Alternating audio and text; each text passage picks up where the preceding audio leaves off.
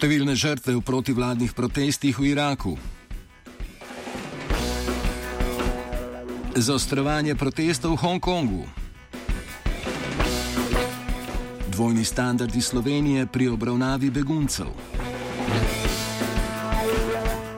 Multimedijske pokrajinske specifike.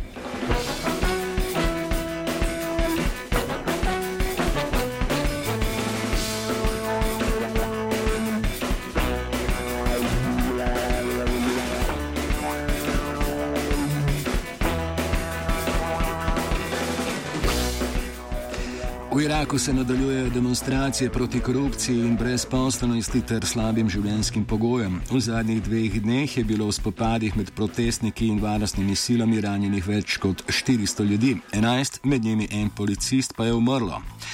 Iraški premijer Abdel Abdul Mahdi je razglasil policijsko uro v večini večjih mest. Elitni protiteroristični odredi so proti protestnikom, ki so skušali udreti na letališče in v središče Bagdada, uporabili streljno orožje ter sozilec. Dostop do interneta je v večjem delu južnega Iraka onemogočen. Protestniki zahtevajo tako še odstop vlade. Po noči je v tako imenovani zeleni coni močno varovani sosedski politične elite in tuji diplomatov v Bagdadu odjeknila najmanj ena eksplozija, prav tuja poslopja pa so, se, pa so po odločitvi vlade prva dobila okrepljeno varovanje.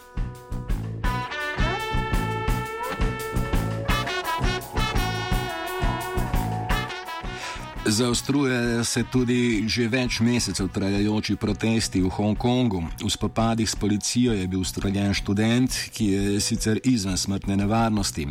Protestniki so v odgovor policijo napadli z doma narejenimi zažigalnimi bombami.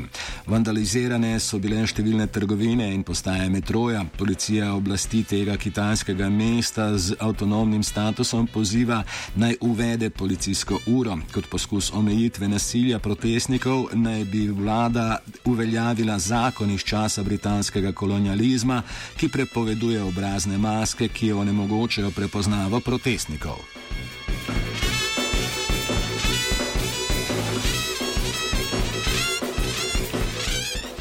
Na severovzhodu Malije, v bližini meje z Burkina Fasom, so v noči z nedelje na ponedeljek islamistične skupine napadle dve vojaški oporišči. Malijska vlada je sporočila, da je bilo v napadih ubitih 25 ljudi, 60 pa jih pogrešajo. Lokalni prebivalci pričajo tudi o civilnih žrtvah na celotnem ozemlju države, pa je bilo razglašeno tridnevno žalovanje. Združenim silam Malija in Burkine Faso je uspelo odbiti napadalce in ponovno osvojiti osvojiti vojaški bazi, pri čemer je bilo ubitih najmanj 15 upornikov. Gre za nadaljno zaostrovanje konflikta, ki traja vse od poskusa državnega udara v Maliju leta 2012 ki je sprožil domino efekt, ki ga ni ustavila niti francoska vojaška intervencija. Na nek način so neuspešno gasili požar, ki so ga sami zanetili, saj je destabilizacija Malija neposredna posledica libijske državljanske vojne, kjer je francosko letalstvo pripomoglo k zrušitvi vlade Moamerja Gaddafija. Islamistični borci pa medtem že redno izvajajo napade v Burkina Faso.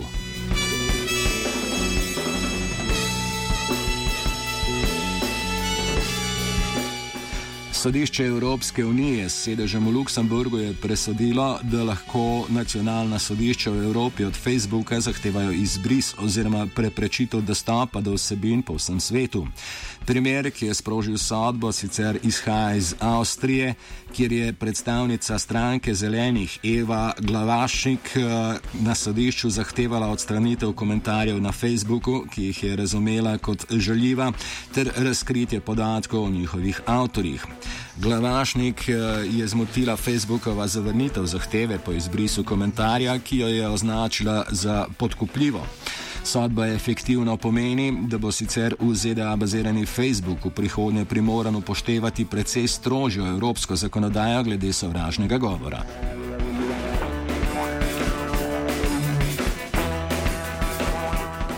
Sodišče je bilo Facebooku naklon, nenaklonjeno tudi v Turčiji zaradi kršitev zakonov o varnosti podatkov. Pravice do varnosti podatkov skoraj 300 tisoč turških državljanov so bile namreč kršene in ker kršitve niso prijavili odgovornim varnostnim organom, mora Facebook plačati 1,6 milijonov turških ler, kar je nekoliko več kot 250 tisoč evrov. Pravzaprav nizka kazen za tehnološkega velikana, ki je tako pr protizakonito delil podatke svojih uporabnikov za manj kot evro na osebo. Oba, če, če bom odgovoril na angliški. Uh, uh, Slovenija bo poskušala pomagati. Slovenija bo naredila naš utmost, da bo rekla, da je situacija naš problem, naš sebe. In bomo naredili nadaljnje korake, as soon as the conditions are. Bomo vlado Marjana Cererja, Marjana Cererja Šarca podprli. Zelo, zelo resno. Slovenija. We know how and we will. Danes poteče rok za oddajo vlog za repatriacijo venezuelskih slovencev za obravnavo v prvem krogu. V Društvu venezuelskih slovencev ocenjujejo, da bo za repatriacijo zaprosila večina od 55 zainteresiranih. Prosilci morajo biti državljani Republike Slovenije ali slovenskega rodu, do statusa pa so upravičeni tudi njihovi oži družinski člani. Večinoma gre za begunce, ki so tja pred socializmom pobegnili po drugi svetovni vojni ali njihove potomce. Sedaj zaradi humanitarne krize, ki so jo zaradi socialnih ukrepov Huga Chaveza in Nikolasa Madura sprožile ameriške sankcije in sabotaže opozicije. Zakon o repatriaciji osebi zagotavlja 15-mesečno finančno podporo, pomoč pri asimilaciji, stanovanje in državno pomoč pri, pri preselitvi.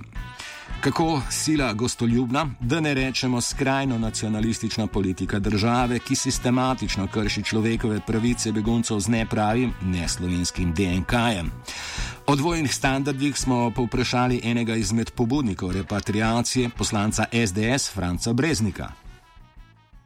Veste kaj, uh, uh, tukaj ne gre za dobeno dvojno merilo, tukaj gre za zgodbo slovenskih rojakov, prav tistih, ki so zaradi komunizma mogli največkrat pobegniti in kjer jih je komunizem po desetletjih ponovno pričakal v neki državi. In bistvo tega sporočila tudi je, da bojimo se komunizma, zato ker kjerkoli je bil je postil dolgoročne, grozovite posledice.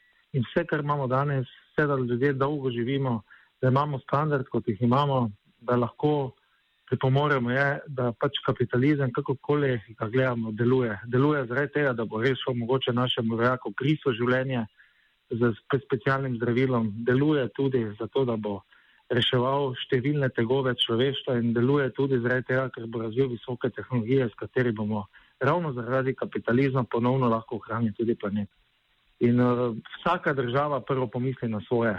Država, ki prvo pomisli na tuje pred svojimi, gledajte, to ni država in takšen narod je, lahko rekel, obsojen na propad na dolgi rok.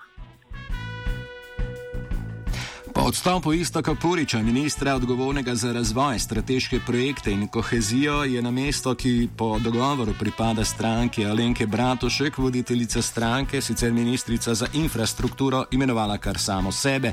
Svet stranke pa je temu pritrdil. Bratošek zagotavlja, da bo drugega ministra predlagala po sprejetju proračuna, o katerem bo državni zbor glasoval konec novembra. Če bodo našli drugega kandidata, bo to že četrti minister na tej poziciji je od začetka te vlade.